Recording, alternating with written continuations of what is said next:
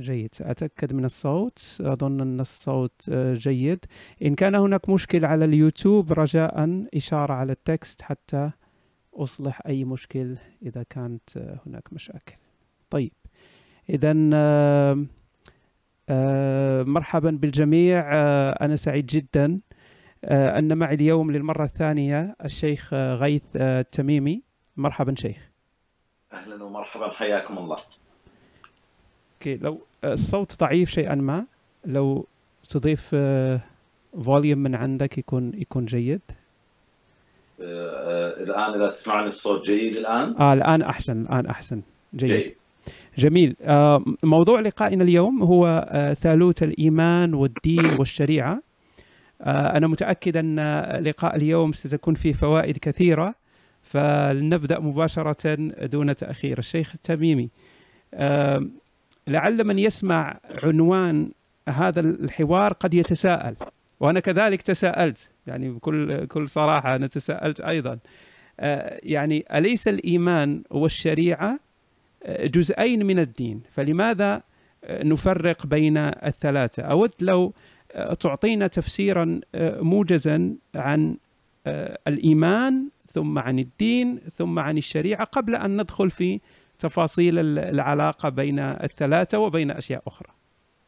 شكرا جزيلا على هذا السؤال آه، المهم جدا ودعني أقول بصراحة بأني آه، أجد الاشتباك المصطلحي أو التداخل في الاستعمال بين مصطلحات الدين والشريعة والإيمان حتى في دراسات وكتابات كبار العلماء والمفكرين المسلمين. وهذا بالحقيقة آه، آه، آه، اللي دفعني أن أعيد أعيد فك الاشتباك وأعيد موضعه يعني وضع كل مصطلح في اطاره وسياقه المعرفي لأني أعتقد أن مجرد تفك الاشتباك بين هذه المصطلحات سينتج آه، آه، تصورات جديدة وفهم أكثر دقة لطبيعة الإشكاليات المترتبة على التداخل الاصطلاحي. الإيمان بشكل موجز هو حالة وجدانية يستشعر الفرد الإنسان الفرد حضور للقوة المطلقة الغيبية في روحه في ذاته في ضميره في إحساسه في وجدانه. ويستشعر الرهبة والخشوع إزاء آه، حضور هذه القوة المطلقة في ذاته. وهذا الإيمان هو حالة وجدانية تتحرك في المساحة الوجدانية من الإنسان.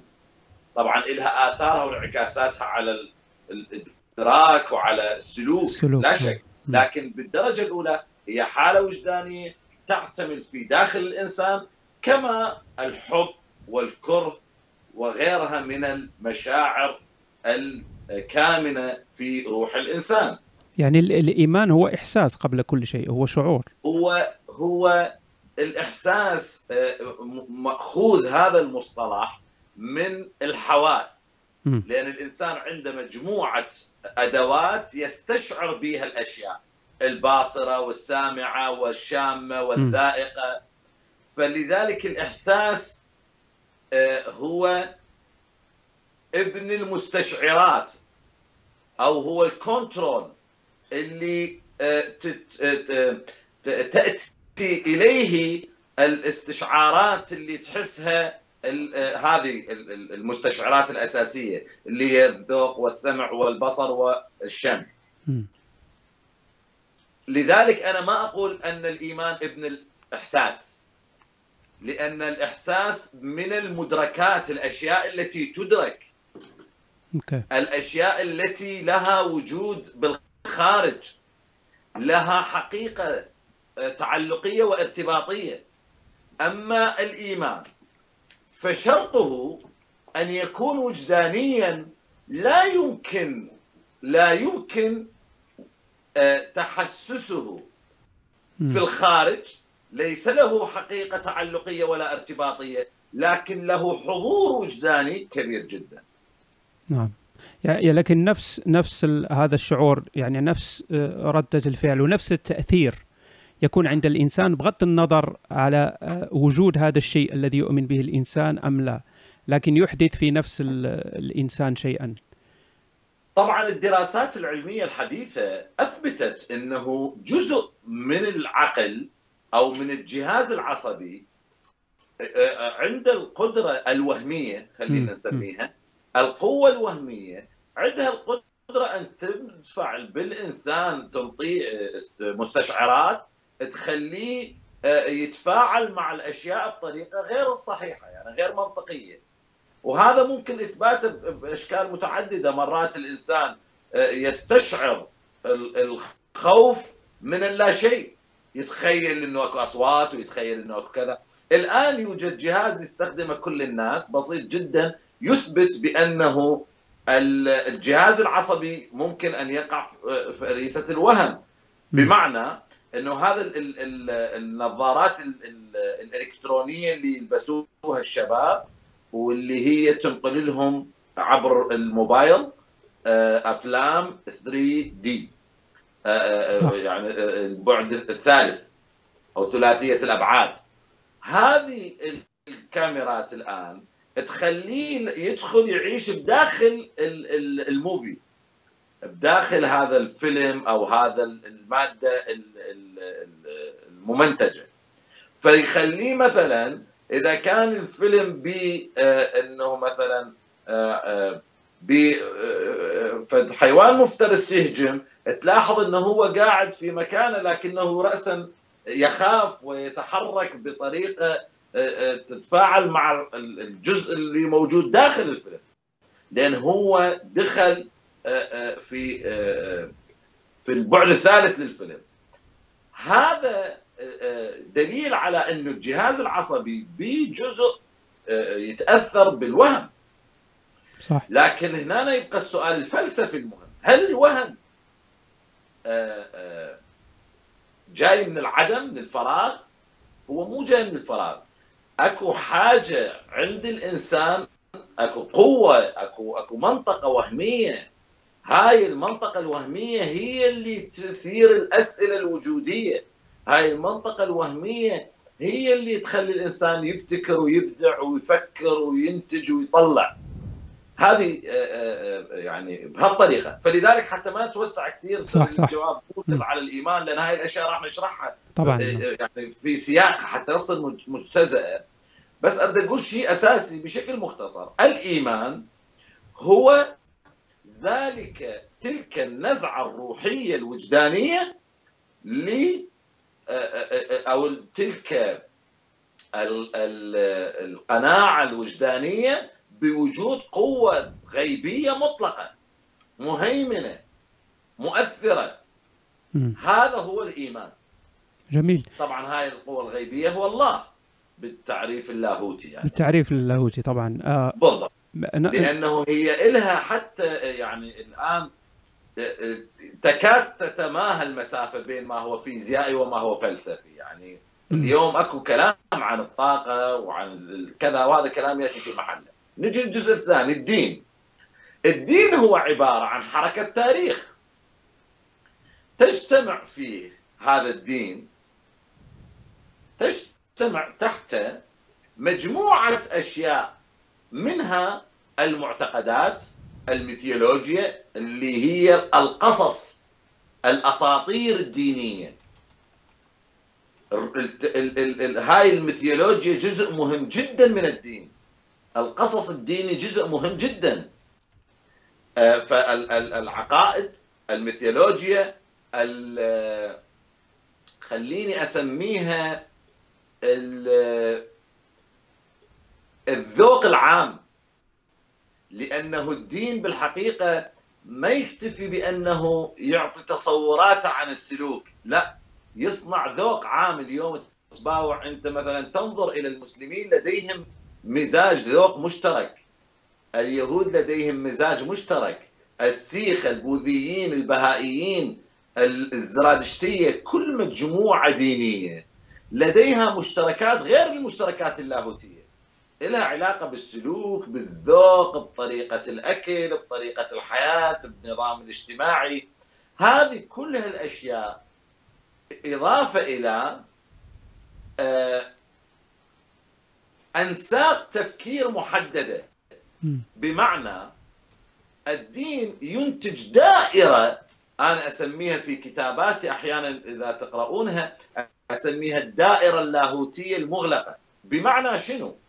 بمعنى أنه الدين يسمح للإنسان أن يفكر. واللا دين أيضا يسمح للإنسان أن يفكر. فهما يشتركان في أنه اليوم الشخص المسلم على سبيل المثال أو المسيحي يشعر بأنه عنده الحرية الكاملة للتفكير. كما الإنسان اللاديني أو الإنسان آه، آه، الربوبي أو الملحد أو ما إلى ذلك. وبالواقع فعلا هو آه، مو غلطان هو عنده حرية تفكير لكن أكو مساحة أكو سور عالي جدا سور الدين اللي هو الدائرة اللاهوتية هو ينتج أنساق تشبه سكك القطار. فاللي يمشي بالقطار يشوف نفسه يمشي مثل اللي يمشي بالسيارة. لكن بالحقيقة حرية اختيار الطريق بالنسبة إلى الذي يمشي في القطار تماما لا تتشابه مع حرية اختيار الطريق لدى من يمشي في السيارة. اللي يمشي في السيارة عنده القدرة أن يتوقف في أي نقطة ويعكس اتجاهه 180 درجة وعنده القدرة أن يذهب يمينا وشمالا. صح. وعنده القدرة أن يستمر إلى الأمام. أما اللي يركب بالقطار فهو موضوع على خط واحد. إلى نقطة بداية وإلى نقطة نهاية وإلى نقطة عودة دائرة وجودية. فلذلك هو يمشي إلى جانب أخيه الذي يمشي في السيارة ولكن الفرق كبير جدا لأن دائرة التفكير الدينية دائرة مغلقة بها أنساق محددة بينما التفكير الحر ما مرتبط أو ما موضوع على سكة محددة إنما الأرض أمامه مفتوحة. هذه النقطة. فالدين هو حركة تاريخ وثقافة وقيم وميثولوجيا وعقائد واعتمالات بما في ذلك طبعا الأخلاق والتاريخ نفسه. يعني الدين لديه قراءة خاصة بالتاريخ وهذا راح نجي أيضا. نجي إلى الجزء الثالث الشريعة. الشريعة هي مجموعة الأحكام المنظمة للجماعة الدينية آه، مجموعة الأحكام المنظمة للجماعة الدينية في سلوكها الفردي وعلاقاتها البينية وضوابطها الاجتماعية. هذه هي الشريعة. يعني تعتمد على على حاجيات ال... مو واحد. يعني الشريعة هي إثبات منهجيا ويجب أن يكون وهذه جزئية يعني لها علاقة بالاختصار. أوكي. ويجب أن يكون الباحث الرصين آه، معيارية رصانة البحث عنده تقوم على أساس التفكيك بين هذا التداخل. وإذا وجدت باحث تتداخل عنده ذن الثلاث مصطلحات فهذا الباحث اعتبره أنا باحث غير رصين. هو فعلا صعب أنك تفرق بين الثلاثة هو صعب جدا يعني حتى في مفهوم الإنسان العامي وحتى في مفهوم كثير من العلماء بين قوسين. دائما تختلط هذه المفاهيم. لا يكون تفريق بين ما هو إيمان وما هو الدين وما هو الشريعة.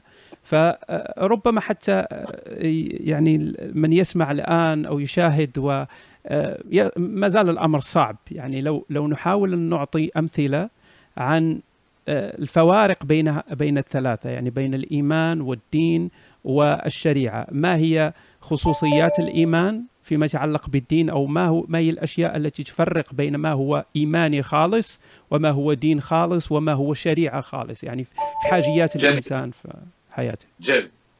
سأميز لك ولكن كل ما سأتحدث به موجه بالدرجة الأولى إلى العقل المسلم والتفكير الإسلامي لأن أنا رجل مسلم وباحث في طبعا. شؤون اللاهوت الإسلامي وبالحقيقة محاضراتي بالدرجة الأولى موجهة للناس المسلمين و يعني هي أيضا يعني فيها مساحة لكل الناس. بس قصدي بالدرجة الأولى هي موجهة للعقل المسلم. راح أوضح لك الفرق بطريقة التفكير الشخص المسلم. يعني أي شخص مسلم يسمعنا راح يفهم. الإيمان هو الاعتقاد بال... بإله. بس هذا أنا ما أسميه اعتقاد. يعني اصطلاحيا لفظ الاعتقاد أرفضه إنما هو الاستشعار حضور الله. فحتى تقلب الصورة أقول هو مثل آه مثل علاقة الحب. أي شاب يحب بنت أو بنت تحب شاب هذول هم في داخلهم يوجد حالة وجدانية هم يستشعرونها. هي مو هي مو فكرة حتى يدركونها. هي إحساس. بس إحساس ما ينتمي للحواس الخمسة. ينتمي إلى الوجدان إلى البعد الروحي في الإنسان وليس البعد الحسي. لأن البعد الحسي يرتبط بالجهاز العصبي أما البعد الروحي يرتبط بالسيكولوجي لكن ماذا عن الطفل مثلا الذي لم يصل إلى مرحلة استشعار لكن يؤمن بوجود إله؟ لا هسه مو هذا راح أجيها أنا راح هو من ينفك الارتباط راح تشوف الخلل والتشوه الفظيع اللي أحدثه دمج ذن الثلاثة. okay. إي فلذلك أنا أقول الموضوع فعلا يحتاج إلى نوع من ال ال أن يساعدني المتلقي المستمع الكريم يساعدني في فهم الموضوع لأنه بالحقيقة هو أشياء كلش قريبة من بعض بس لما يفهمها راح يعرف أكو فرق منهج كبير. وركزوا يعني. نعم. فهو مثل عملية الحب. الإيمان مثل الحب. حالة وجدانية. أنت تستشعر حب أشياء وتستشعر كره أشياء. مو بالضرورة لأنه هاي الأشياء هي متميزة أو موجودة أو ما. هذا الاستشعار أنت تعيشه. يعني الحب البنت اللي تحب شاب أو الشاب الذي يحب فتاة هذول هم يستشعرون حالة وجدانية فيما بينهم. أكو تفاعل أكو تقارب أكو نظرات عيونهم لبعضهم فيها حديث فيها كلام. لكن هي ما لها علاقة بالآخرين اللي واقفين إلى جانبهم. لذلك حتى قيل في الأدب العربي قديما عين الرضا عن كل عيب كليلة لكن عين السخط تبدي المساوية. لأن الإنسان لما يحب يشوف الأشياء بطريقة مختلفة. يعني ب... ب... ما يخضعها لمعيارية الإحساس الطبيعي. يعني تخضع لعقلية وجدانية مؤثرة كثير على رؤيته للاشياء يعني فقط فإذا ل... الإيمان حالة وجدانية.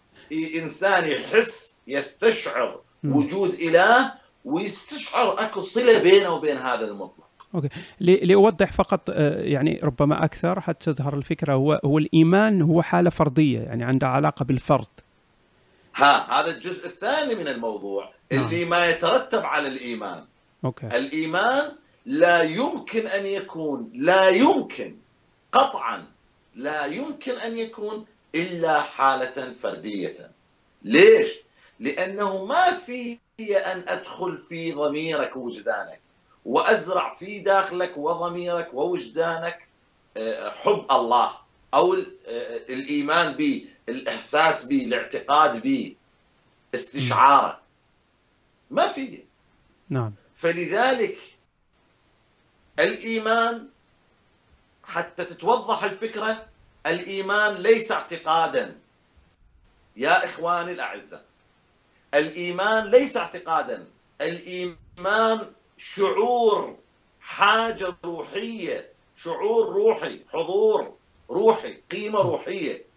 هذا هذا لماذا ليس اعتقادا؟ نعم. أقول لأنه الاعتقادات أشياء لها علاقة بقرار عقلي. عملية اعتمال ذهني عقلي فكرة نقبلها ونرفضها. م. الإيمان مو فكرة. شعور إحساس. لكن من يقرأ طبعا المراجع الإسلامية هو دائما التركيز على العقيدة على الاعتقاد أكثر من من فهو من راح أجي أني وراح تلاحظ شوية شوية يبدي يتضح عندك العوق م. اللي تسبب العوق الكبير والرهيب المتسبب عن آه، آه، تداخل المصطلحات الثلاث نعم. يعني إلى الدين. يعني الإيمان هو هو الدين. مسألة فردية روحية آه، شعور وجداني روحي للشخص للفرد. تماما. تماما. طيب الآن اذكر أذكر لنا الفوارق مع الدين وجدانيه فردية يستشعرها الإنسان بمفرده. امم صح. طيب هذا خلصنا. خلصنا الإيمان. الموضوع الثاني الدين. الدين نعم. الدين عكس الإيمان تماما. اولا الدين ليس حاله وجدانيه امم الدين حالة عقلية اعتقادات وقناعات. ثانيا الإيمان حالة فردية. الدين لا يمكن أن يكون حالة فردية. شمول. الإيمان لا يمكن أن يكون حالة اجتماعية. امم لأنه حالة فردية.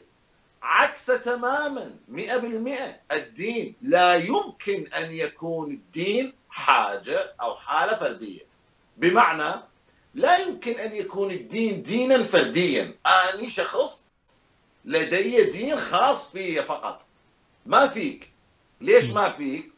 لأن الدين هو مجموعة معتقدات والمعتقدات أفكار والأفكار لازم تتناقش ولازم يصير بها أخذ ورد. اثنين الدين هو عبارة عن تفسير لحركة التاريخ وتقديم تاريخ وبناء على تفسير حركة التاريخ وبناء على التاريخ الديني يضع التصور الديني آه، رؤيته للمستقبل. لذلك الدين منظومة شمولية كاملة تبدأ من مع الإنسان مع قناعات الإنسان من ما قبل الولادة والوجود إلى ما بعد الموت. الدين لا يكتفي بأنه الدين لا يتو... ليس عنده إلى أن تموت. لا, لا. الدين يفرض عليك تصورات لما قبل الولادة ويفرض عليك سلوك لما بعد الموت. أما الإيمان فلا يوجد فيه أي فرضية ترتبط بقبل وبعد وراح أوضح لك لما نتحدث عن الإيمان ليش نعم. ببساطة لأن موضوع الإيمان هو الذات الإلهية والذات الإلهية من شرائطها الوجدانية أن تكون مطلقة غير محدودة فهمت. لأنه الإنسان وجدانيا الإنسان عنده قدرات هائلة فائقة لكنه في داخله يستشعر الحاجة لقوة أعلى من قوته. وبما أنه الإنسان قهر كل الوجود المحيط به إذا هو يحتاج إلى قوة قاهرة لحركة الزمان والمكان وعابرة لقوانين الفيزياء والكيمياء. فلذلك الإيمان يرتبط دائما ب يستشعر الإنسان وجود قوة إله الإيمان بإله لا يحده زمن ولا يرتبط بمكان ولا يخضع لقوانين الانوجاد والوجود. طبعا سنتكلم عن ثنائية الإيمان والإلحاد أو الإيمان أكيد وال... لما نروح للإيمان. نعم ولا إيمان حتى إذا ميزنا الإيمان والدين. حالة فردية م. لا يمكن أن تكون جماعية نعم والإيمان حالة وجدانية غير عقلية ولا نعم. علمية ولا يمكن إثباتها علميا أو عقليا لأن هي حالة نعم. وجدانية خلصنا نعم. الدين هو حالة اجتماعية لا يمكن أن تكون فردية وهي حالة عقلية لا يمكن أن تكون وجدانية. نعم الانعكاسات الوجدانية الدين وهذا سيأتي الحديث عنه. نعم. نجي إلى الشريعة. الشريعة شوف ركز وياي. الإيمان إحساس ما له علاقة بالقناعة. الدين قناعة ما قناعة وتنعكس على الوجدان. بمعنى إنه أنت لازم تؤمن على سبيل المثال بالملائكة. فالدين يقنعك بوجود ملك اسمه جبرائيل. والدين يطالبك بأنه تصلي لجبرائيل وتستغفر لجبرائيل وتحبه مفهوم. والدين يفترض لك ملك اسمه عزرائيل ويخوفك من عنده. ويطلب منك أن تخاف من عنده. فاذا الدين يضع قناعات يوجد تصورات وقناعات لها علاقة بعملية عقلية لكن يعكسها على الحالة الوجدانية. يطالبك بها وجدانيا أيضا. يعني أنت ممكن الثالث. أه، قبل قبل ان ندخل الجزء الثالث. أرجوك بس هذا. الجزء الثالث هو الشريعة. م. الشريعة اولا هي غير عقلية بالضرورة. شوف اولا هي غير عقلية بالضرورة. وثانيا ثانيا هي لا تطالبك بأي تعاطف شعوري وجداني. هسه تقول لي ليش غير عقلية؟ هسه اسأل أي فقيه مسلم أو مسيحي أو أي يهودي أي دين بالعالم. قل له مثلا لماذا تصلون بهذه الطريقة؟ يقول لك هذه صلاة شريعة هي كما هي. صح. يعني لا يوجد لماذا لأن هي مو عملية حسابية واحد زائد واحد يساوي اثنين. الله يعبد من حيث يريد لا من حيث نحن نريد. لماذا نتوضأ بهذا الشكل؟ لماذا نطوف سبع طوافات وليس ثمانيه؟ لا يوجد إجابات، هذه هي الشريعة، فإذا الشريعة ليست أمور عقلية. تدركها، أمور تطبقها فقط. إضف إلى ذلك. القرآن مثلا يتحدث بطريقة مهمة جدا، شو يقول؟ يا أيها الذين آمنوا كتب عليكم القتال وهو كره لكم. ركز لي. وعسى أن تكرهوا شيئا. وهو خير لكم. وعسى أن تحبوا شيئا. وهو شر لكم. والله يعلم وأنتم لا تعلمون. هنا نشوف معناه الشريعة تطالب الإنسان بأن يقوم بأفعال لا يقتنع فيها لأن هي مو مجال قناعاتك تقتنع أو لا تقتنع؟ ما سؤال القناعة غير موجود في باب الشريعة. اولا. صح. اثنين يطالبك بأن تنفذ أشياء وهو يعلم أنك تكرهها ولكنه يدعي يعني الشريعة تدعي أنك إذا طبقت تلك الأشياء سيأتيك الخير المرجو وهذا الخير المرجو قد يكون في الدنيا وقد يكون في الآخرة. الآن صار عندنا منهجيا على الأقل التصور البدائي. أنا طبعا يعني عاكف على كتابة كتابي الذي سأفكك فيه جميل جدا. نحتاج نحتاج ذلك. ومؤصل. في المتون اليهودية والمسيحية والإسلامية لأن أنا مجال اهتمامي بالأديان الإبراهيمية وأعتقد لا يمكن الفك الارتباط بينهما أيضا. لكن بشكل عام أقول عاكف على كتابة كتابي اللي أسميته ثالوث الإيمان والدين إيه، والشريعة.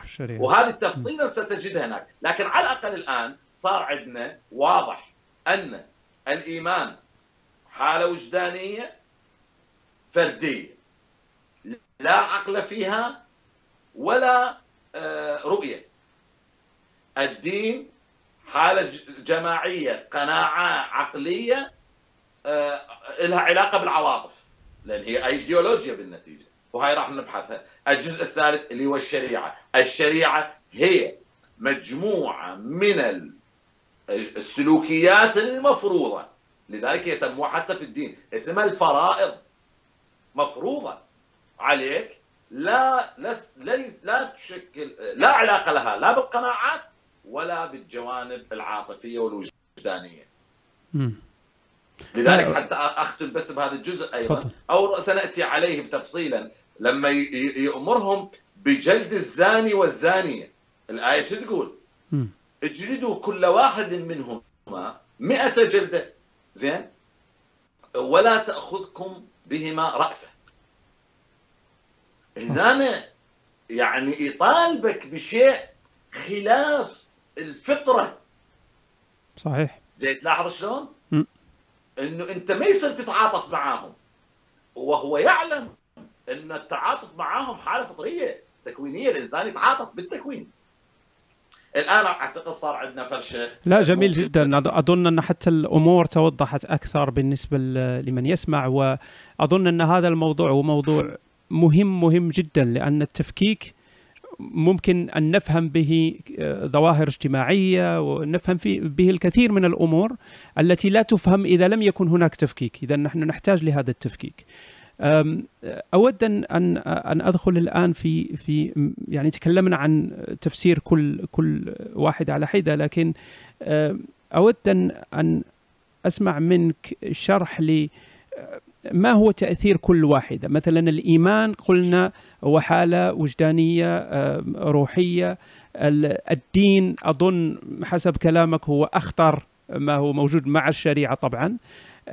ما هو تأثير الدين من ناحية إذا كان هو نظرة شمولية للحياة إذا كان هو يؤطر حياتنا؟ ما هو دور الهوية الهوية الدينية في هذه الأمور؟ يعني ما هل هل هل الهوية هي مصدر الخطر أم الإيمان أم الشريعة؟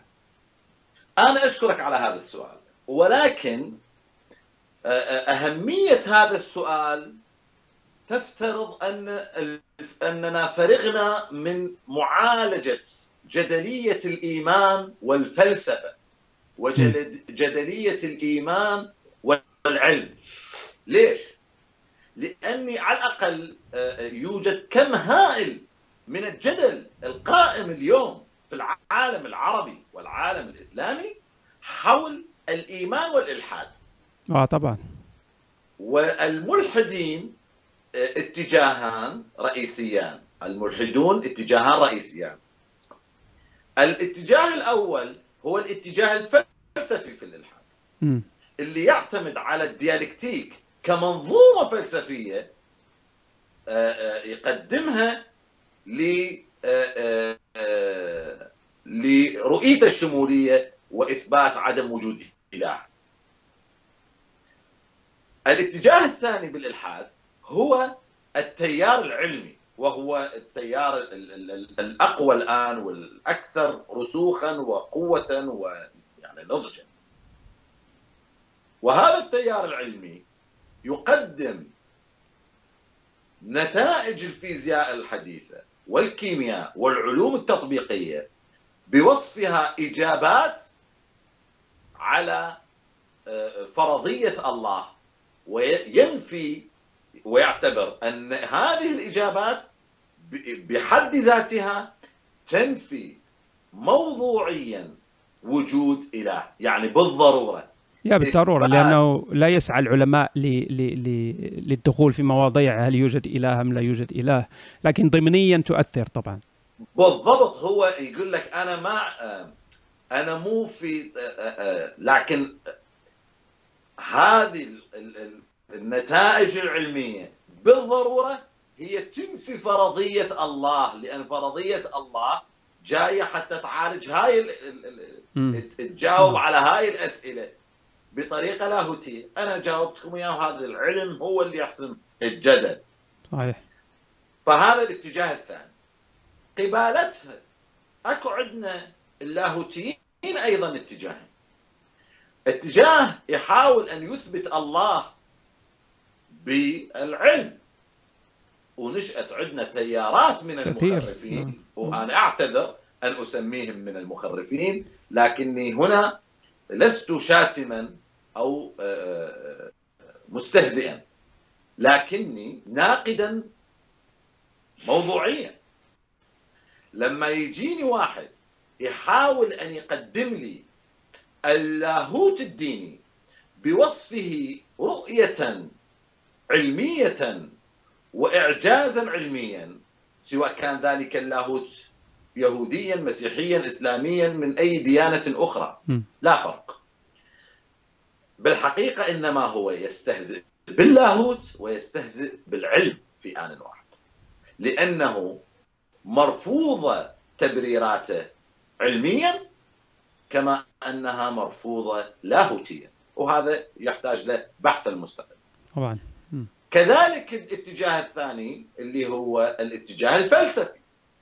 يوظفون الفلسفة ليثبتون وجود الإله وأنا قلت في محاضرات سابقة أيضا مرتبطة بثالوث الإيمان والدين والشريعة قلت بشكل واضح وأنا الآن أيضا من خلال حضرتك أقولها أني مستعد للدخول في أي مناظرة يستعمل فيها العقل كدليل على إثبات وجود الله. أنا مستعد أن أدخل في مناظرة مع أي مختص طبعا والحديث مع المختص فقط. طبعا. مع أي مختص يقدم لي دليل عقلي على وجود الله أنا أراهن أن أستخدم نفس الدليل شرط لا أحيد عن دليله. أستخدم نفس الدليل لأثبت من خلاله عدم وجود إله. وكذلك أنا ومن خلال منبرك الكريم أقول أنا مستعد أن أدخل في مناظرة مع أي شخص يقدم دليلا علميا على إثبات وجود الله أن أستخدم نفس الدليل العلمي شرط لا أحيد عنه. أستخدم نفس الدليل العلمي على إثبات عدم وجود إله. إذا أهمية ثالوث الإيمان والدين والشريعة والتفكيك بينهما. أن تعيد للإيمان هويته الإيمان ليس نزعة عقلية يا أخي. الإيمان ليس نزعة عقلية.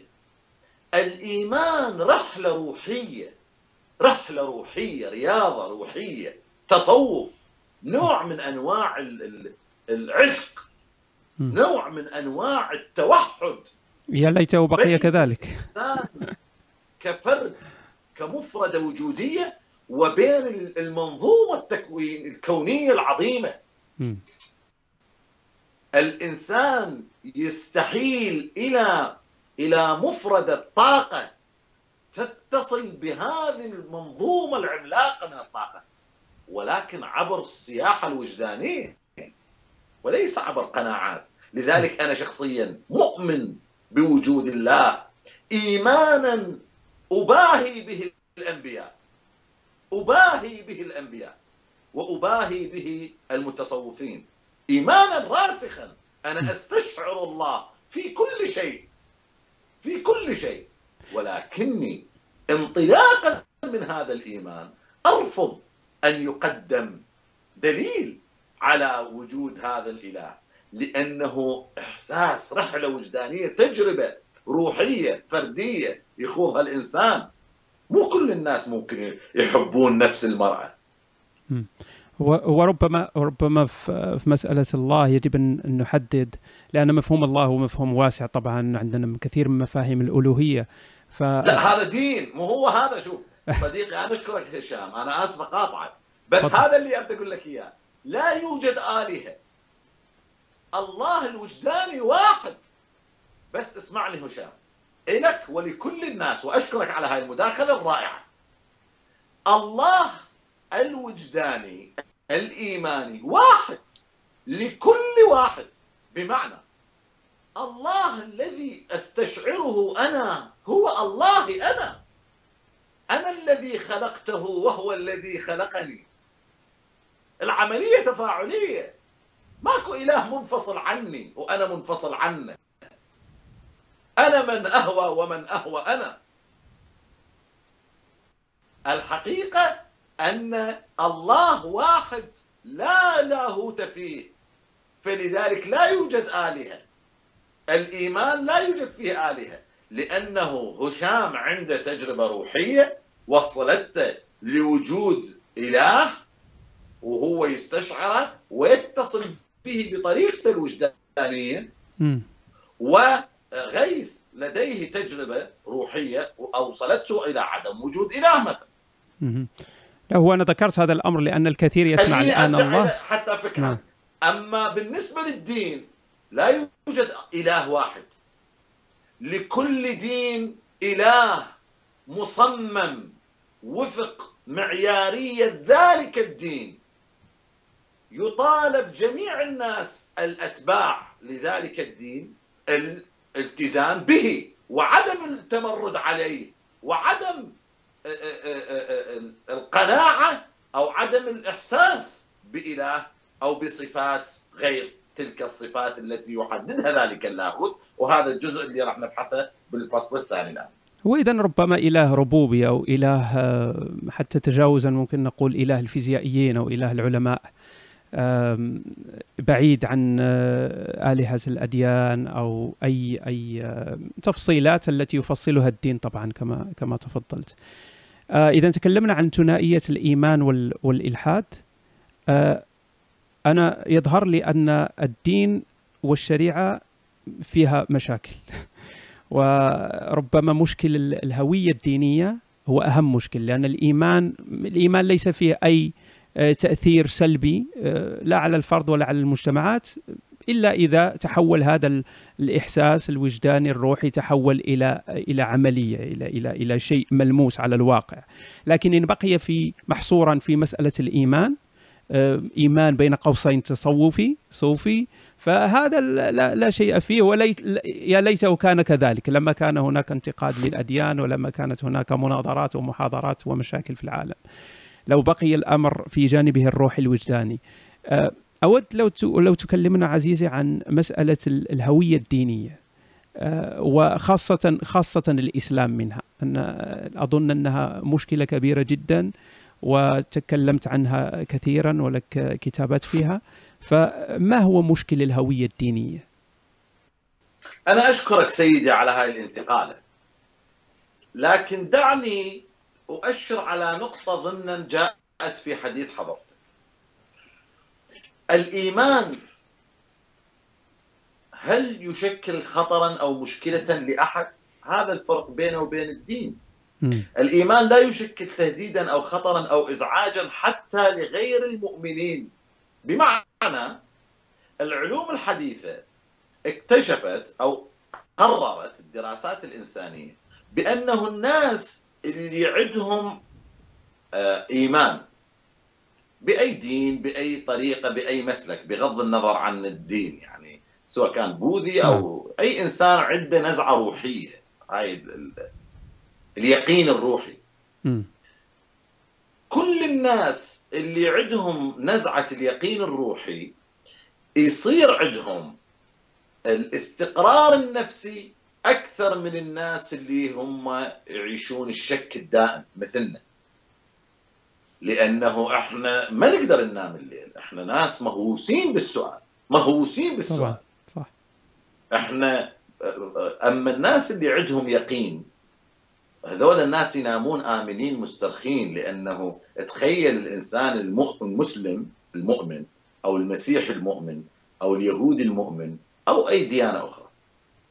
لما يجي يريد ينام مجرد أن يرتل بعض من التعاليم الدينية أو الروحية أو الكتب المقدسة يقرأها يطمئن لها ويهدهد آه، فراشه بين يدي ربه صحيح. أما الإنسان المعرفي إنسان جدلي يحط راسه على الوسادة ويبدأ برحلة فلسفية آه، من الأسئلة حول مفهوم النوم واليقظه مثلا. فهذه آه، آه، مهمة جدا. اذا آه، ما أريد أن اقوله انه الإيمان أصلا حتى هو في فوائد ممكن أن نعتمدها. فوائد انه هو بنوع من الرياضة الروحية اللي تساعد الإنسان على على أن لا يقع ضحية للشعور بما يسمى في علوم النفس باللا جدوى. نجي إلى الدين. الدين طبعا هنا نقطة جدلية مهمة. الإيمان بوصفه الوجداني. هل يقابل الإلحاد بتصوري لا؟ ليش؟ لأنه الإلحاد رأي. وجهة نظر. الإيمان ليس رأيا وليس وجهة نظر. إحساس. فلا يمكن أن يتجادلان. يعني اليوم أنت ممكن أن تجادلني تقول لي على سبيل المثال أنت ليش آه، آه، مثلا لابس هذا اللبس؟ لكن ما فيك تجادلني تقول لي أنت ليش تحب هذا اللون أكثر من ذاك اللون؟ تفهمني؟ صحيح. لأنه ميلي إلى الألوان ميل إحساس أنا يعجبني هذا اللون. يعني هي ما لها أو افترض العطور. ما فيك تسألني أنت ليش تميل للعطر هذا أكثر من العطر ذاك. لأنه أو هاي الورده عطرها أجمل من تلك الوردة. هذا استشعار لو تساوت الأذواق لبارت السلع. صحيح. هذه مو عملية رياضية حتى نثبت لك إنه هذا اللون أفضل من ذلك اللون. نعم. ممكن أن أثبت لك إنه هذا اللون أليق بك أجمل عليك أو أكثر مناسبة مع الإيفنت اللي أنت رايح له. لكن ما في أن أقول لك هذا اللون الأسود بما هو أسود أفضل من الأبيض بما هو أبيض. ما ممكن أقول هذا الكلام. صحيح. لأن هاي عملية ما ممكن إثباتها مو عملية حسابية. فلذلك الإيمان لا يقابل الإلحاد. الإيمان مو سؤال الإيمان مو عملية رياضية حسابية. الإيمان حالة وجدانية. الالحاد وجهة نظر يقابلها الجدل ورأي. فهذا اولا. اذا نجي هنا هسه للخندق الكبير والورطة الكبيرة. الدين. الدين. الدين بالحقيقة هو منظومة كما سميناها شمولية. أخذت من الإيمان القيمة الروحية. تدري أنت الآن الفرد المتدين هو يعتبر نفسه كائن روحي.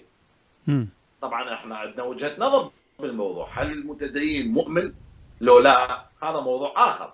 لكنه الآن من حيث المبدأ هو كائن روحي. يعني الشخص المتدين يوظف جميع قواه الروحية والوجدانية باتجاه تلك المنظومة الشمولية. فالدين اولا أخذ من الإيمان البعد الروحي. ثانيا أخذ من الإيمان الحالة الوجدانية. ثالثا أخذ من الإيمان الاتصال بالمطلق. الاتصال بالمطلق. لكن شنو اللي سواه الدين؟ الدين بدل ما يحول محمد صلى الله عليه وآله في تجربته الروحية الشخصية الفردية اللي عاشها مع الله واستشعر حضور الله في ضميره إلى درجة أنه أوحي إليه بدل أن ينتج ناس يعيشون نفس الرياضة الروحية نفس التجربة الروحية مع الله.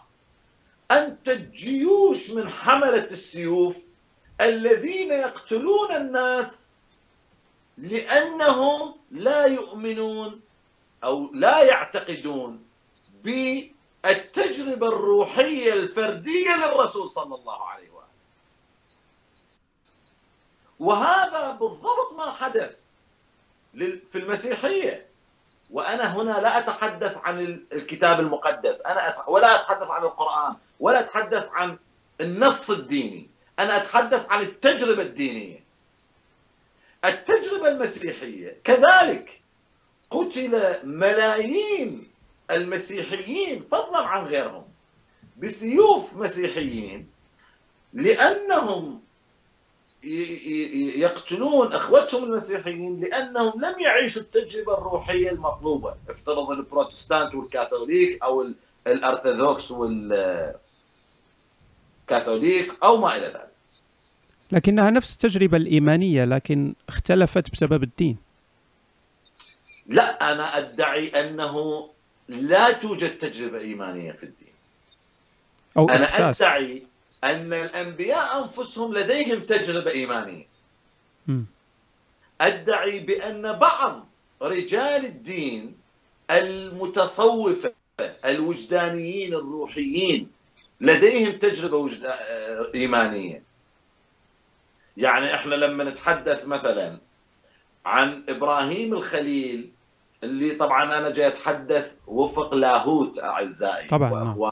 مقاربة لاهوتيه لا أتحدث وفق البحث الأركولوجي. نعم نعم مفهوم. لأنه وفق البحث الأركولوجي لا يمكن إثبات وجود شخص اسمه إبراهيم الخليل. صحيح. ولا يمكن إثبات شخص اسمه نوح. ولا يمكن إثبات آدم. بل يمكن إثبات خلافه. م. يعني إن هم ما موجودين. فأنا جاي أتحدث وفق المنظومة اللاهوتية. حتى ليس الخلط. مفهوم مفهوم. جيد.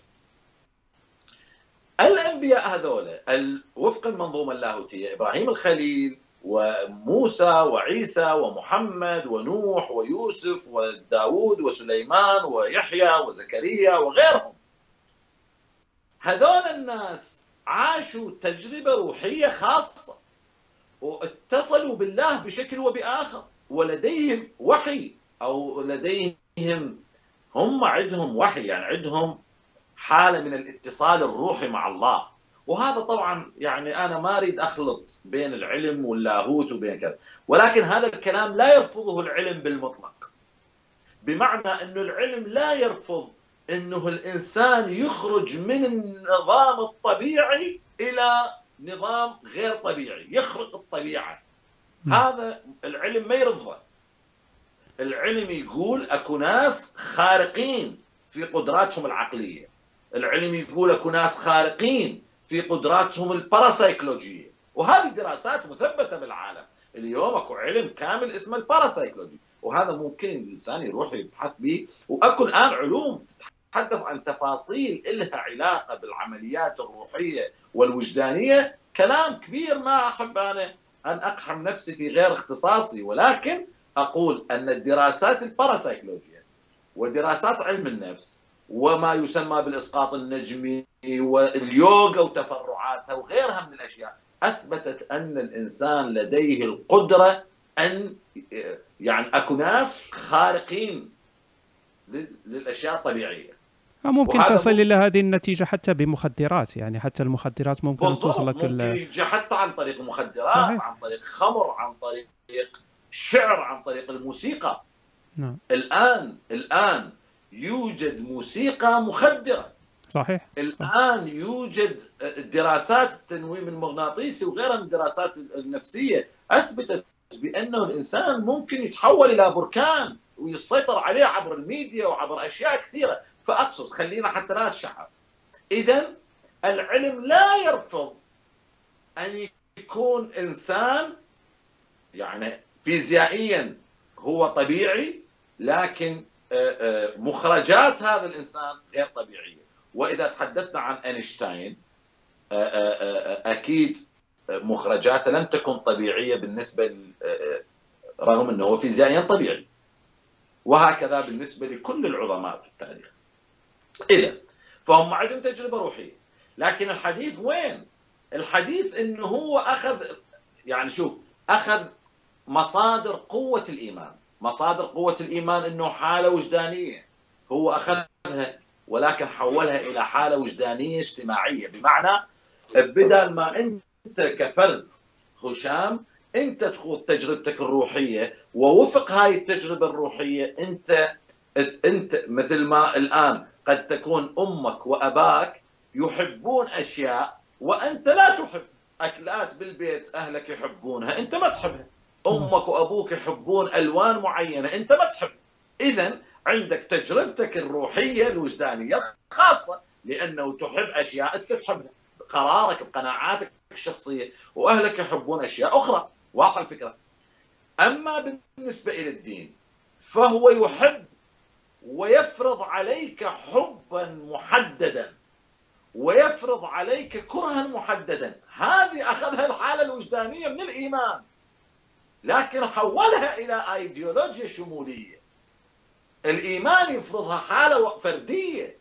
هو حولها إلى ظاهرة اجتماعية بل قانون اجتماعي. اليوم المسلمين كلهم يحبون آه، يعني أسميها المثلية الاجتماعية. مثلية بمعنى أنهم يتماثلون في الحب ويتماثلون في الكره والمسيحيين يتماثلون في الحب ويتماثلون في الكره واليهود كذلك. ليش؟ لأنه الدين هو حدد قدم لهم مثل المنيو. الدين يقدم لك منيو. هاي الأشياء الموجودة وهاي الأشياء غير الموجودة وهاي الأشياء اللي ينبغي أن تحبها وهاي الأشياء التي ينبغي أن لا تحبها. بل حتى الله. الله أنت في ضميرك استشعرت قوة هائلة مطلقة. يعني تعرف شنو معنى قوة هائلة مطلقة أنا أقول لك في ضميري إن الله سبحانه وتعالى هو ال ال ال ال القوة المتسببة والمسببة والمتفاعلة والمفعلة لكل هذا الكون العظيم منذ الأزل إلى ما لا نهاية. طيب هذا الاعتقاد إيش قد كبير؟ تخيل الله إيش كبره. بحيث أنت الآن إذا ردنا نتصور الآن الأشخاص اللي يتابعون هذا الحديث الحوار بيني وبينك. كل واحد منهم خلينا نفترض الآن في 100 شخص يتابعنا. هل نستطيع أن نتخيل كل واحد منهم في بلده في بيته في لبسه الآن إيش جاي يسوي؟ بأي وضع جالس بأي طريقة دا يسمع؟ شنو متعشي شنو ماكل شنو الجوع عندهم بالبيت. إذا تخيل هذا التصور هذا عظمة. كيف بشق الإله هو جزء من كل هذا النظام العظيم من الأزل إلى ما لا نهاية. وإذا بي أجي أختزل لك إياه وأقول لك هذا الإله بكل هاي العظمة ينزل من كبريائه حتى يلقيك في جهنم لأنك حلقت لحيتك. نعم. يعني تخيل تخيل إيش قد صغروا للإله يعني. هي أنسنة أنسنة الإله. لا مو أنسنة إهانة. هاي مو أنسنة هاي إهانة. لأني كإنسان وأنت كإنسان أنا واثق إنه أنت إذا كان عندك أطفال عندك مجموعة توجيهات لاطفالك في بيتك. طبعا. هذا افعلوه هذا لا تفعلوه. صحيح.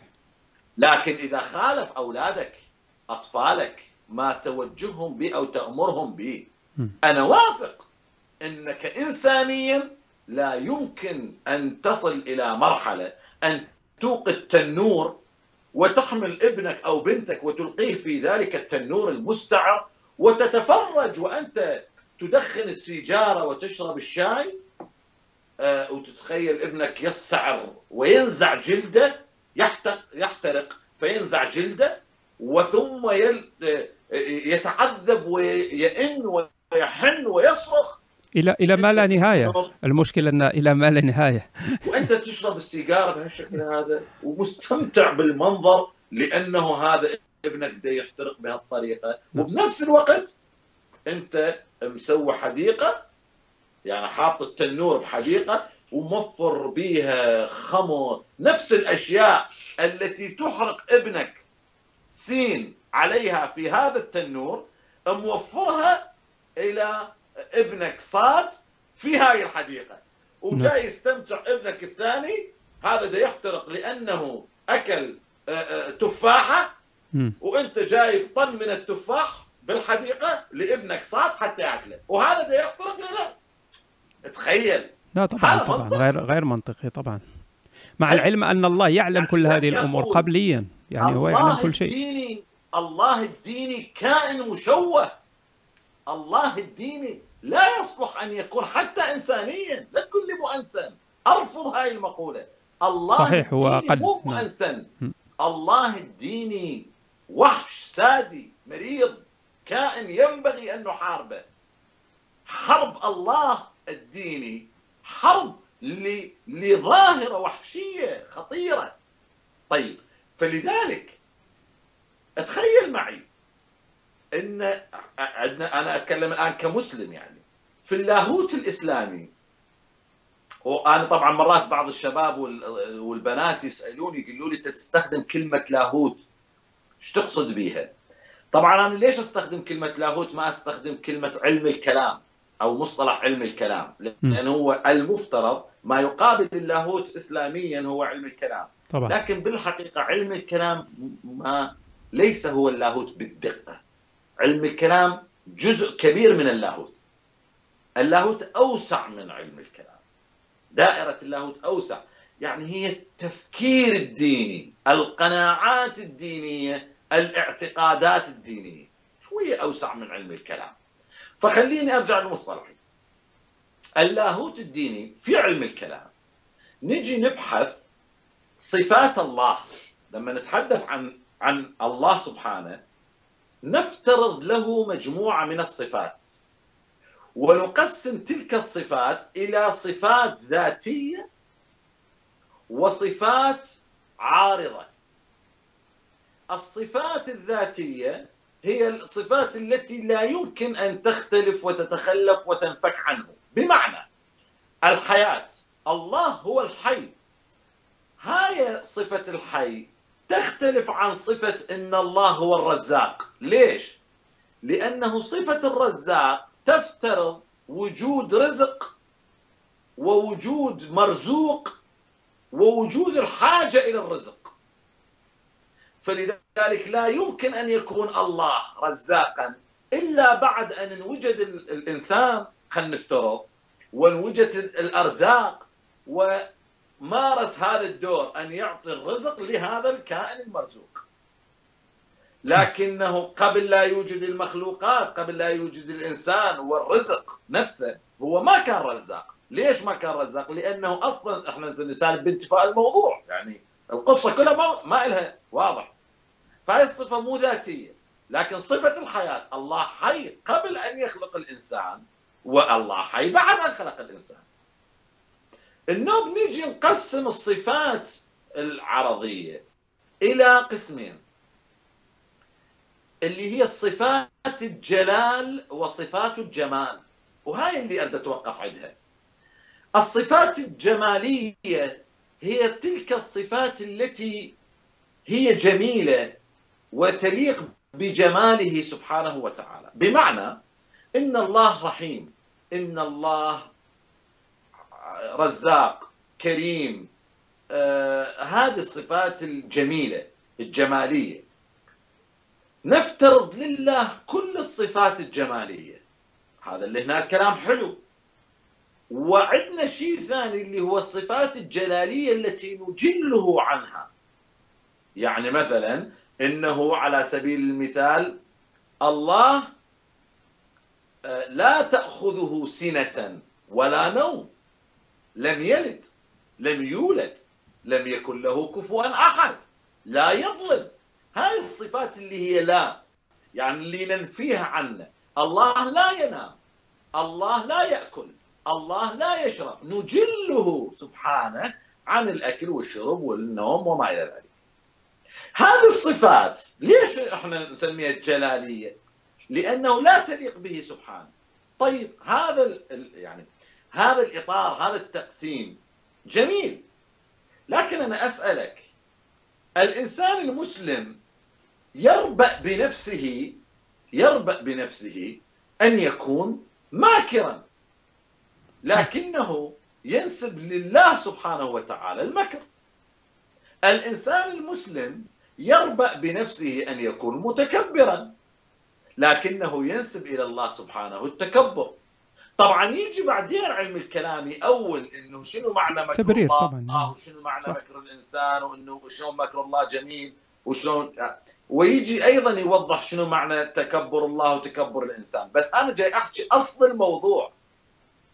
أصل الموضوع هي صفة قبيحة لا يمكن أن تنسب إلى الله. فاذا الدين يخلق الله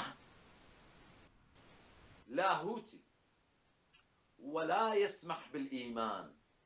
هنا هي النقطة الأساسية والخطيرة والحساسة اللي راح ندخل منها إلى الهوية. الدين لا يسمح بالإيمان. بمعنى إنه الشخص المتدين لا يقبل الله خارج محددات الدين. فلو فرضنا بأن الله سبحانه وتعالى قرر أن يلغي الجنة والنار. اني وانت نقبلها نعم. لكن هل تقبلها الأديان؟ لا طبعا. بحسب الفرضية الجدلية لن تقبلها. آه لذلك أخي هشام آه اللاهوت يخلق الله ويفرض الله محدد ويطالب الجميع بالالتزام به. نعم جميل جدا. نعم أسمع أسمع. آه، أنا أود لأن الوقت يطير وقت اللقاء فأنا أود أن أتكلم على الجزئية مهمة أظن مهمة أكثر أو ربما مهمة لأكثر من ساكنة المغرب ربما المغرب شمال إفريقيا كلها. وهي مسألة الهوية طبعا نعلم أن عندنا الهوية الأمازيغية. آه، التي استبدلت بين عشية وضحاها بالهوية الإسلامية العربية مع التركيز على العربية يعني كيف أثرت هذه الهوية. ما هو دور الدين في ترسيخ هذه الهوية العربية؟ نعرف أن الإسلام مقترن باللغة العربية. ما هو الدور الذي لعبه الدين؟ هل كان حصان طروادة لهذه الهوية العربية؟ من أين جاءت هذه الهوية العربية؟ حتى استطاعت آه، تقرن نفسها بالدين وتغزو آه، شمال إفريقيا. أنا أشكرك على هذا السؤال. وخليني أقول آه، ابتداء آه، مقالي اليوم آه، اللي هو مقال أسبوعي أنا أنشره على صدى نت. المقال اليوم الافتتاحية كانت فيه عن الأمازيغ تحديدا. جميل. وعن إثارة هذا الموضوع المقال بعنوان لعنة الشيعة. البحث عن التاريخ المفقود. ممكن الإخوان يرجعوا لها. آه، في هاي المقالة أنا ابتدأت من جدلية الأمازيغ في المغرب العربي لأنه الأمازيغ مجموعة اجتماعية. الشيء المهم والخطير يا صديقي طبعا هذا الموضوع حتى أكون واضح مع حضرتك إذا كان لديك الرغبة في يوم من الأيام نخصص محاضرة مستقلة فقط نتحدث عن ثنائية الدين والهوية. آه أنا موجودة عندي محاضرة قديمة ألقيتها في بغداد آه، في مركز الفكر آه، في بغداد عن ثنائية الدين والهوية بشكل مختصر. لكنه إذا تحب نخصص محاضرة آه، بشكل أكثر عمق ونقد ندخل لتفكيك هذه لأن هذا موضوع مو سهل بالحقيقة. وموضوع كبير ومهم طالع بمشاكل المجتمع كلش كبير. صحيح. لأنه الدين الدين ما اكتفت مقنني الدين. آه، ما اكتفوا بأن يعطونا الإسلام كما هو. لا حملوه حمولتهم هم. يعني لذلك الدين مثلا الإسلامي. اجى وهو جايب معاه اللغة العربية جايب معاه ثقافة بدوية جايب معاه قيم الجزيرة العربية جايب معاه أدب عربي جايب معاه صح وخطأ عربيات.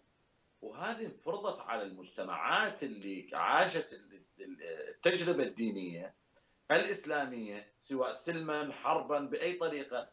لكن بالنتيجة هم عاشوا هاي التجربة. هاي المجتمعات مسخت وأنا أعطيك نماذج. في بلاد المغرب العربي إلى سنين قليلة نحن. ما نتحدث عن آه، آه، خمس قرون وست قرون. لا نتحدث عن قرن. يعني بعض الأحياء الموجودين الآن من المغاربة لم يكونوا يتكلمون اللغة العربية أو يكتبون اللغة العربية. إلى حصر يعني بعض ما زال ما زال ما زال ما زال ساكنة في في المغرب اليوم لا تتكلم العربية ولا تكتب العربية. تم تعريبهم بفترة قياسية خلال الفترة الماضية. وإلا هويتهم ولغتهم وثقافتهم حاضرة ماثلة كذلك بالنسبة إلى الفرس. الفرس يعني الآن الفارسية انتقلت من ثورة الخميني في إيران إلى الآن نقلة كارثية. يعني أنا أعطيك مثال هيك على السريع. الصفويين عندما أقاموا حكمهم في إيران واعتمدوا المذهب الشيعي في حينها جابوا مجموعة القيم مالتهم وسربوها من خلال التراث الشيعي. لذلك الصفويين أثروا على التشيع ولا وتأثروا طبعا بالتشيع ولكن تأثيرهم كبير أيضا على التشيع. م.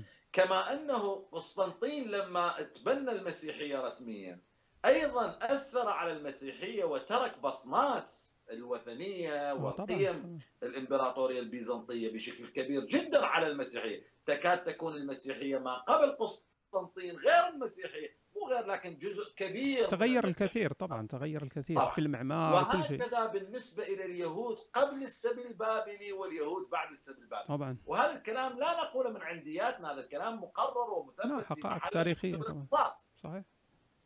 الدين الإسلامي لما دخل إلى العراق العراق بلد آرامي سورياني يعيشون بنبط آه، ويعيشون بآراميين.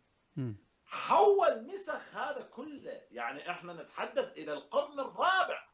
إلى القرن الرابع آه، من تاريخ الإسلام والعراقيين لم يكونوا ينطقون العربية بشكل كامل.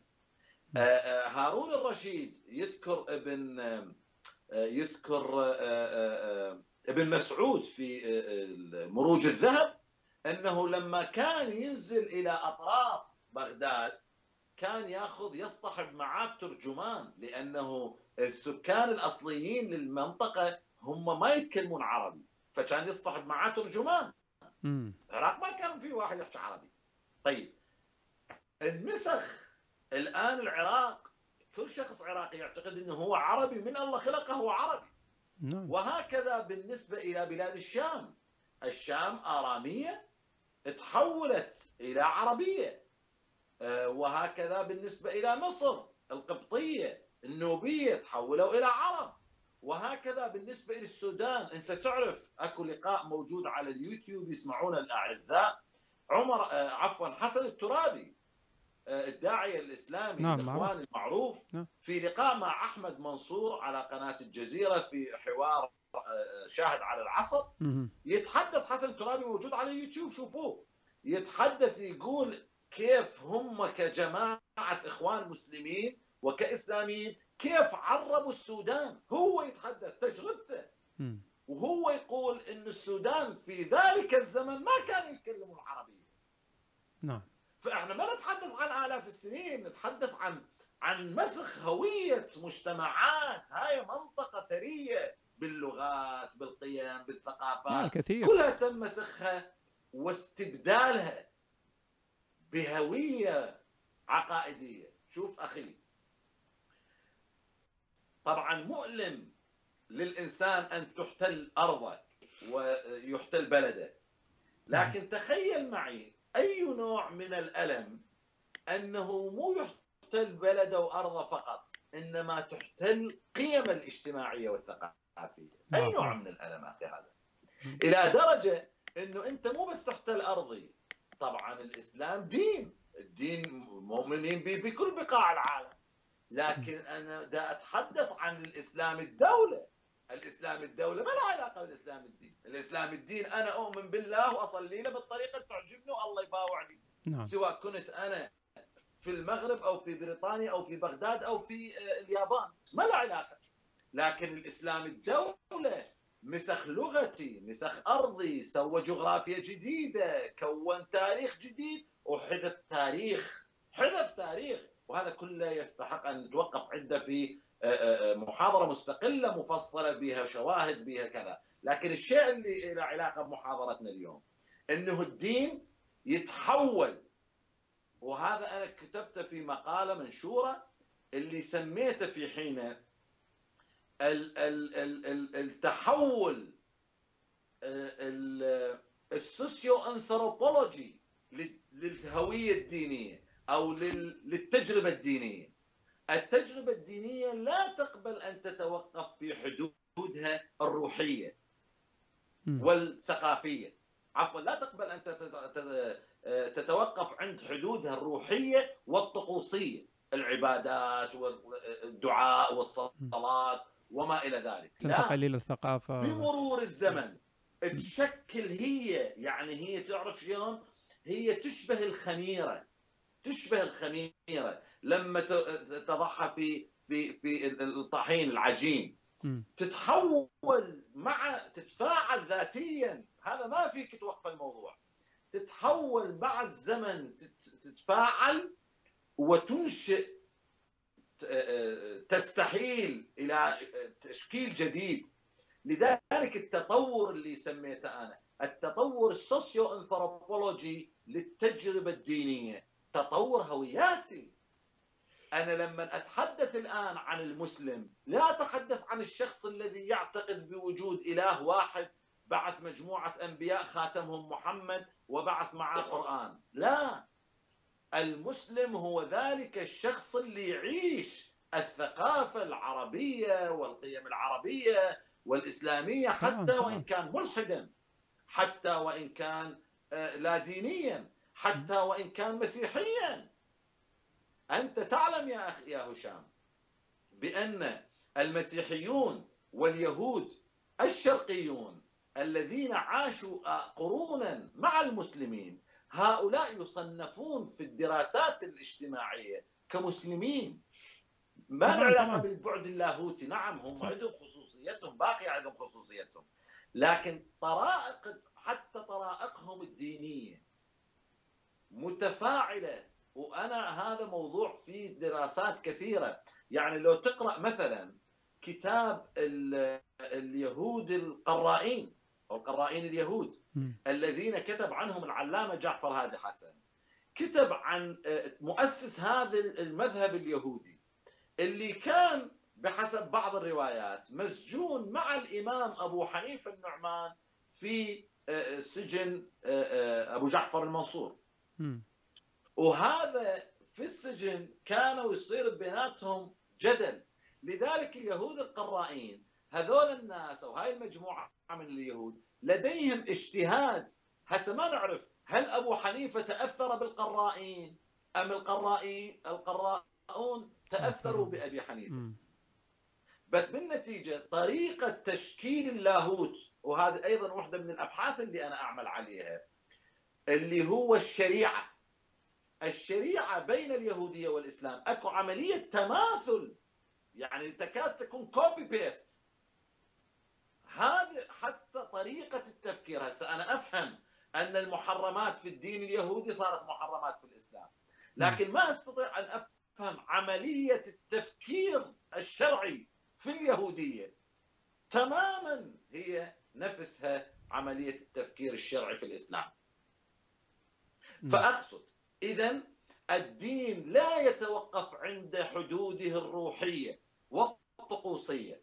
الدين مع الزمن يستحيل إلى تجربة سيسيو أنثروبولوجية ويشكل هوية ويمحو الهويات القائمة الثابتة. لذلك أقول وبكل صراحة أنا أرفع القبعة احتراما وإكبارا وإجلالا إلى أولا الفرس في منطقة الشرق لأنهم أخذوا الإسلام ولكن رفضوا الهوية العربية معه بل استطاعوا أن يؤثروا آه، آه، في الإسلام كثيرا. وخليني أقولها بصراحة آه، هم تأثروا أيضا يعني هذا لا شك. طبعا هو تأثير متبادل نعم. تأثروا بلا شك لكنهم أثروا. كذلك يتحدث عن الأتراك. أمة استطاعت أن تستوعب الإسلام وتحتفظ بثقافتها. الكرد. أمة استطاعت أن تستوعب الإسلام وتحتفظ بثقافتها. الأمازيغ. أمة استطاعت أن تستوعب الإسلام ولكن تحتفظ بثقافتها. بينما الآراميون والنبط والأقباط والنوبة وغيرهم من الجماعات تم حذفهم بالتمام والكمال واستحالوا إلى عربا مسلمين. والآن تشكل الجامعة العربية من بلدان تمثل العرب في الجامعة العربية الدول اللي هي فعلا كانت يقطنها العرب في الجامعة العربية لا تشكل أكثر من 3 إلى 4% من آه، الدول الأعضاء في الجامعة العربية. صحيح بل حتى حتى الدول المحسوبة يعني حتى في الجامعة العربية هي فقط الحجاز. امم صح صح. ودول الإمارات وقطر والبحرين واليمن. م. أما غير هذول لا يوجد دولة عربية. من الدولة؟ هل هل هل يوجد في العراق من البصرة إلى الموصل؟ هل يوجد شبر واحد فيه أثر إلا وهو يصرخ بأنه سومري أو آشوري أو بابلي أو كلداني؟ لا يوجد. هل يوجد في بلاد الشام من دمشق إلى إلى كل أقاصيها. بما في ذلك صحراء الأردن، كل هذا هل يوجد فيها شبر واحد يشهد إنه كان عربيا؟ لا يوجد، كلها تشهد إنها آرامية وإنها كانت تعيش بها هاي الثقافات القديمة السريانية.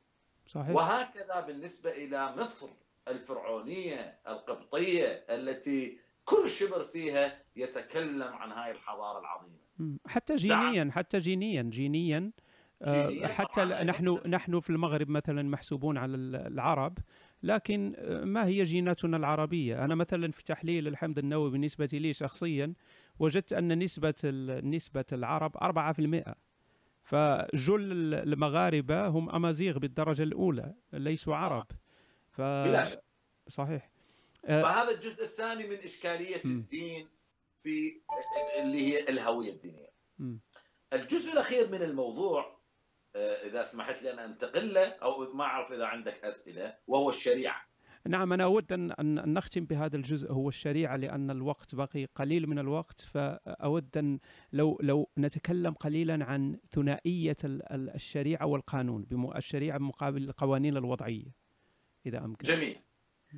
سؤالك جوهري بالحقيقة حتى نستطيع أن نفكك هذان المصطلحان. لأنه اليوم في العالم العربي والإسلامي يوجد عدد هائل من الشباب ومن رجال الدين ومن دعاة ومن أحزاب حتى سياسية الطالب بتطبيق الشريعة. وهذا الموضوع بالحقيقة يعني موضوع آه، يشكل جدل خطير لأنه معناه الشريعة قانون.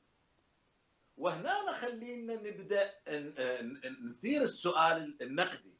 بمعنى هي شنو هي شنو هو القانون وشنو هي الشريعة؟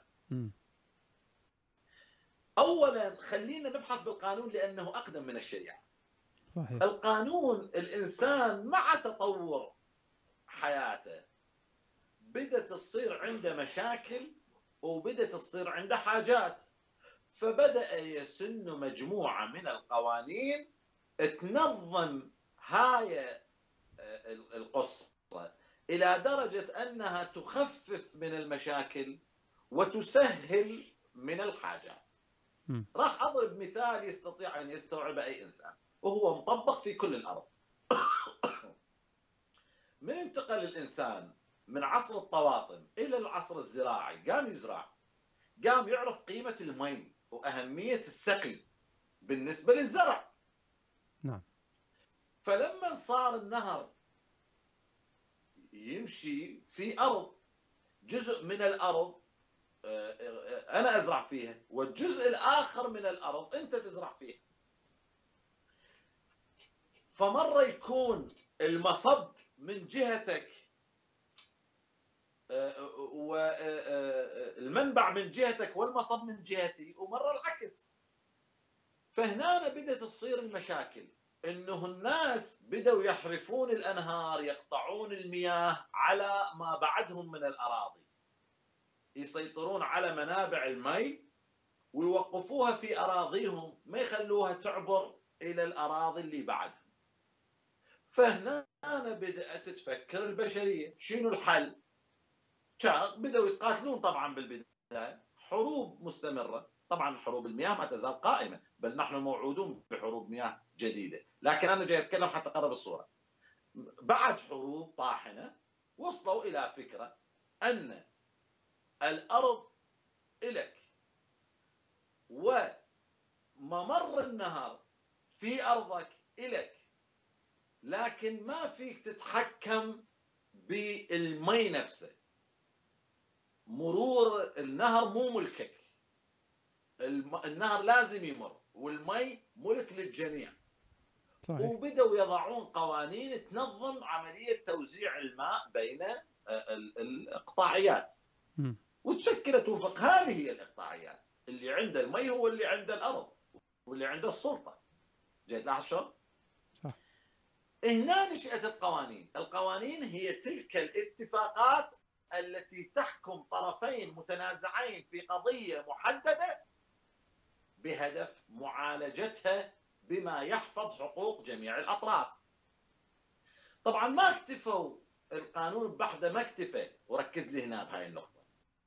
القانون بحدة ما هو طبعا له قيمة ذاتية القانون لأنه ينشد العدل.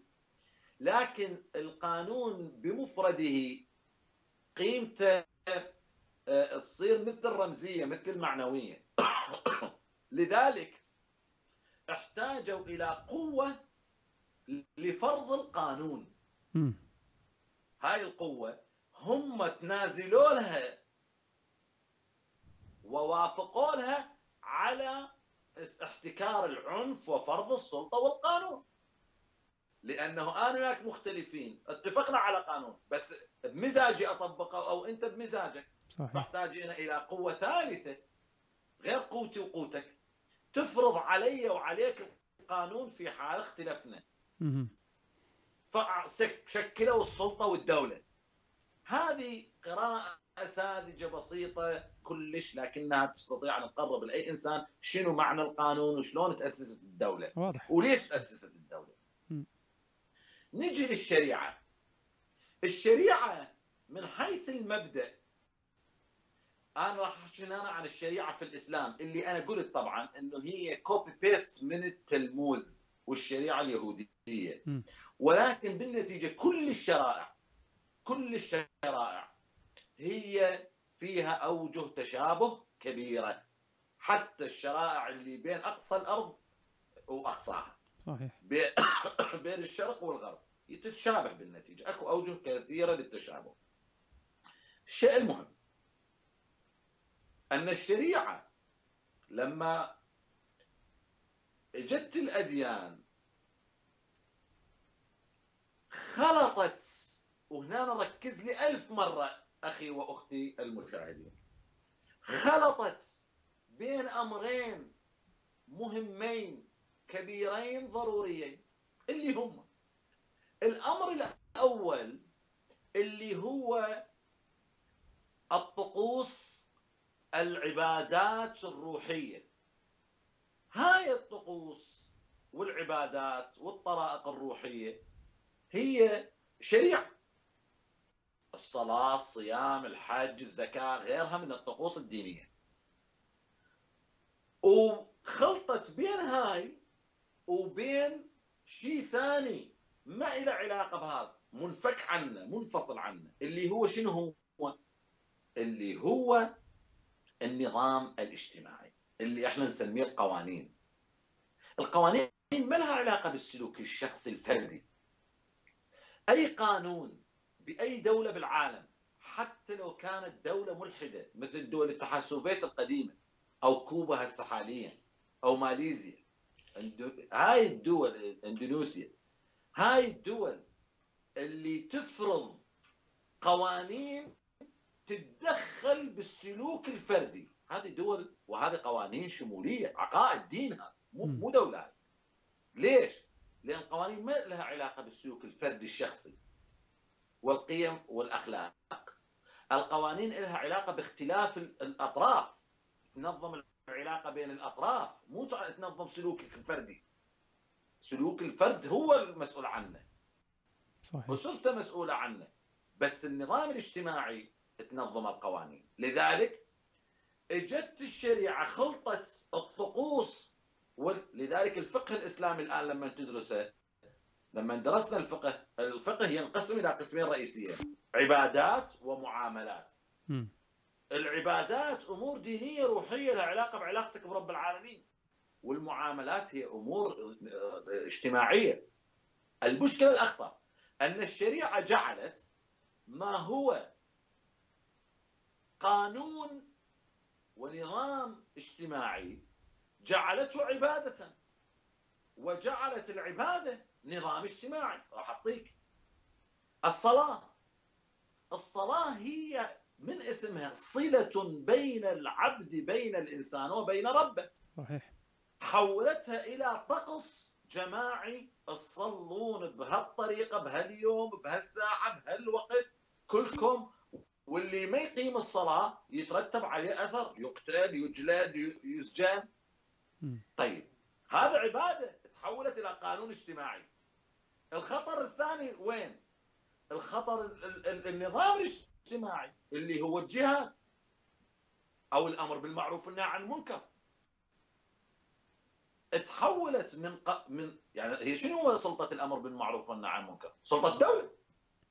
الدولة هي اللي تشوف من اللي يخرق القوانين. عندها شرطة يفترون بالشارع اللي يشوفونه يخرق القوانين يلزمونه يأمرونه بالمعروف اللي هو القانون وينهونه عن المنكر اللي هو مخالفة القانون. وهذا الأمر والنهي يتأتى عبر مجموعة من الآليات. تبدأ بالتوعية والتثقيف وتنتهي بالسجن والإعدام. صح صحيح.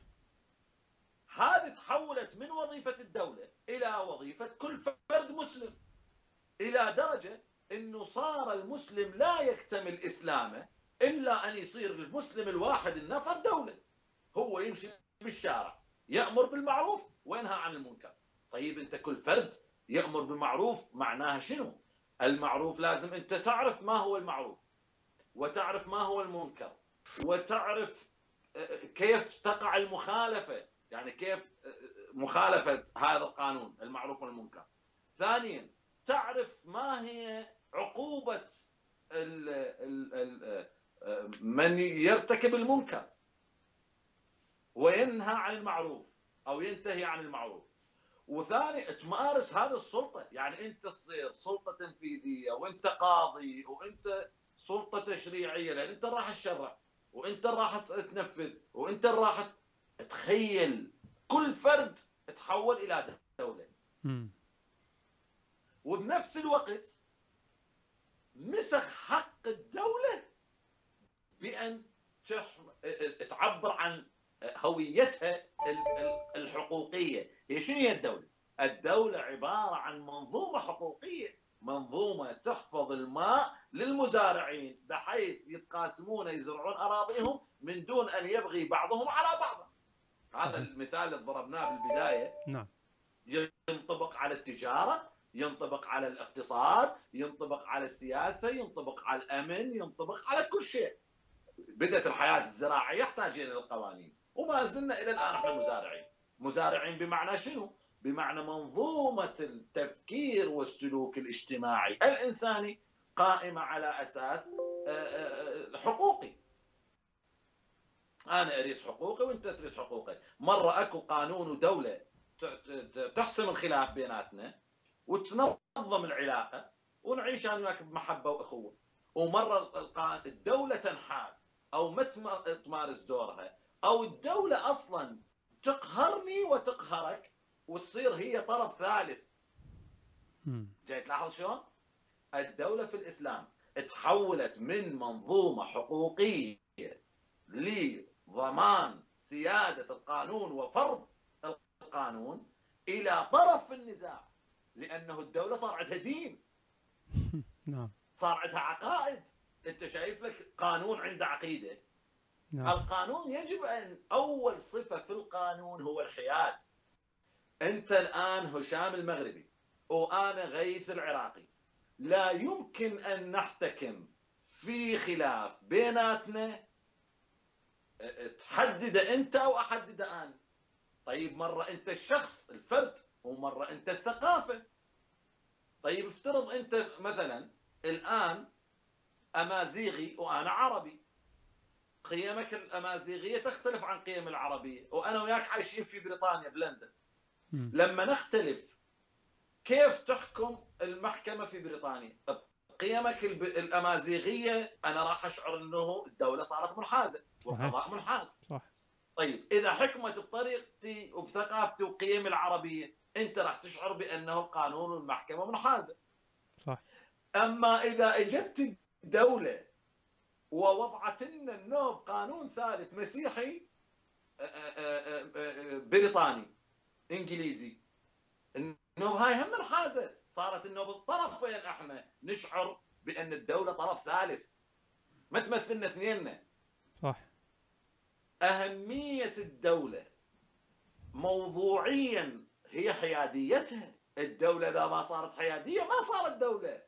القانون المحيادي مو قانون. هنا اجى الدين.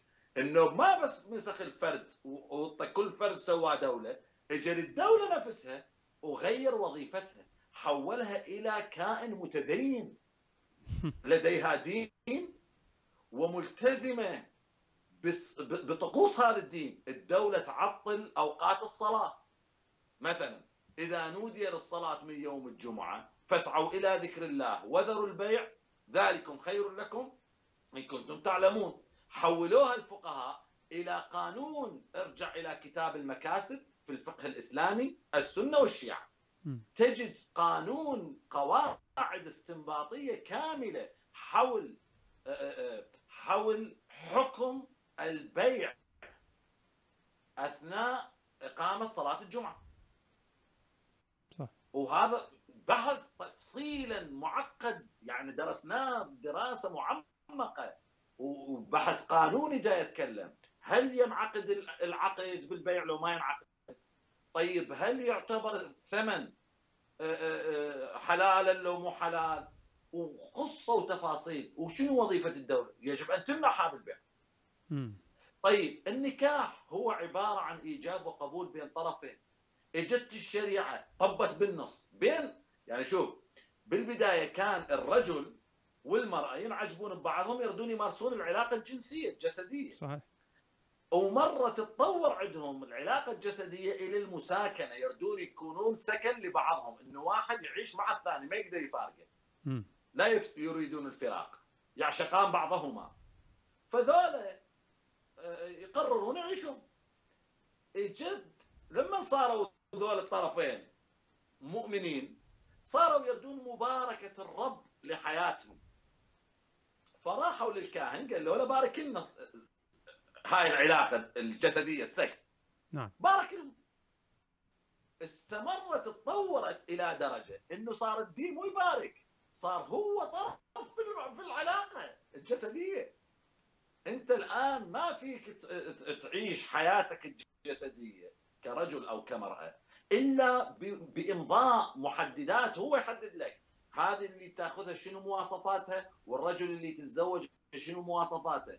صحيح. وشنو تفكيره حتى قناعاته يتدخل بيها. إذا كان يؤمن بالله يجوز لك لو ما يجوز لك. إذا هو ما يؤمن بالله شنو أحكامه؟ يجوز لو ما يجوز. طيب إذا هو يؤمن بالله بس يؤمن بموسى وما يؤمن بعيسى ومحمد شنو حكمه؟ همين وضع له قانون؟ طيب إذا يؤمن بعيسى وبموسى بس ما يؤمن بمحمد هم وضع له قانون. فتدخل بطريقة شوه العلاقة الزوجية. فكرتها فلسفتها شوهت. فالدولة هنا اجت النوب تحملت هذا التشوه. صارت وحدة من وظائف الدولة. أن الطارد شكو اثنين يريدون يعاشرون بعضهم جنسيا. أو يلتقون جنسيا. أو يعيشون يسكنون في بيت مع بعض كزوجين. اضطاردهم تفرق بيناتهم. وهذا ما حصل لنصر حامد أبو زيد مثلا في مصر. وهكذا. الشريعة استحالت من وظيفتها العضوية الأساسية إلى وظائف أخرى أثرت على فلسفة القانون وشوهت قيمتها الروحية الطقوسية. لذلك تشوف الفرد المتدين الآن الإسلامي لما يصلي الصلاة عنده مو مثل الصلاة عند الناس العاديين. أضرب لك مثالا. قد اسمح لي أن أضرب المثال بأمك وأمي وأبوك وأبي أو أجدادنا. نعم. الناس دول الطيبين البسطاء كانوا يصلون لأنهم يحبون الله ولأنهم يحبون الدين ولأنهم يعتقدون إن الله مصدر الخير والبركة. فيصلون بأرواحهم وضمائرهم. وتتذكر أكيد أنت من عائلة مسلمة أو حتى لو كنت من عائلة مسيحية أو أي ديانة هذا التدين التقليدي البسيط مع الناس الطيبين اهلنا إيمان العجائز. تدين جميل. الإسلاميون تدينهم وصلاتهم تختلف عن صلاة أمي وأبي. تدينهم وصلاتهم تدين سياسي. صحيح. هوياتي. هادف مغرض ماكر. لذلك تجدهم يضخمون الطقس الذي يريدون في الوقت الذي يريدون تضخيمه ويقلصون الطقس الذي لا يريدون شو اسمه ولا يوجد لديهم فرائض فردية. انتبه لهم ما عندهم فراغات فردية. حتى الصوم اللي هو حالة فردية حولوا الدولة إلى شريكة بالموضوع عندها شرطة تطلع بالشوارع تغلق المطاعم وتغلق نعم. شو اسمه وتحاسب الشباب والناس قوانين ضد الإفطار حتى كبار السن إذا شربوا لهم مي أو دواء يحاسبونهم نعم صحيح هاي ليش؟ لأنه هم تحول الموضوع من إطار الروح القيمي إلى إطار آخر، أنا أتذكر أن جدتي كانت تصوم في شهر رمضان وتقدم لأولادها أو بناتها اللي ما كانوا صائمين الطعام في نهار رمضان من دون أن تنزعج. بكل محبة بكل أريحية. وهم كانوا يساعدونها على إعداد طعام الفطور في شهر رمضان. بكل محبة وبكل حرص ويجتمعون مع يعني هاي جلسة العائلة في رمضان. لأن إحنا بالعراق مو مثل بعض الدول العربية أكثر تزمتا في تطبيق الدين. العراقيين مو متدينين لكنهم متمسكين بالدين جدا. فكانوا يجلسون جلسة رمضان باحترام باهتمام وإن كانوا ليسوا آه، آه، صياما لحجة لمريض أو لأنه غير متدين أو لأي سبب آخر. نعم سيدي. جميل جدا آه، عزيزي وصلنا للأسف إلى نهاية اللقاء. أشكرك شكرا جزيلا على هذه الكمية الهائلة من من المعلومات أنا شخصيا استفدت منها وأظن أن الكثير استفادوا منها أيضا. آه، شكرا لكل من تابع اللقاء وأراكم قريبا في لقاءات أخرى تحياتي للجميع شكرا عزيزي الشيخ. شكرا جزيلا لك وشكرا آه، لجميع الأخوات والأخوة المتابعين متمنيا لكم آه، الاستفادة آه، وأتمنى أيضا أن أطلع على نقدكم وملاحظاتكم القيمة لمجموعة الأفكار التي طرحناها لأنها بالحقيقة لا تعدو كونها افكارا وملاحظات على مناهجيات جديدة للتفكير الديني، شكرا جزيلا. شكرا عزيزي تحياتي.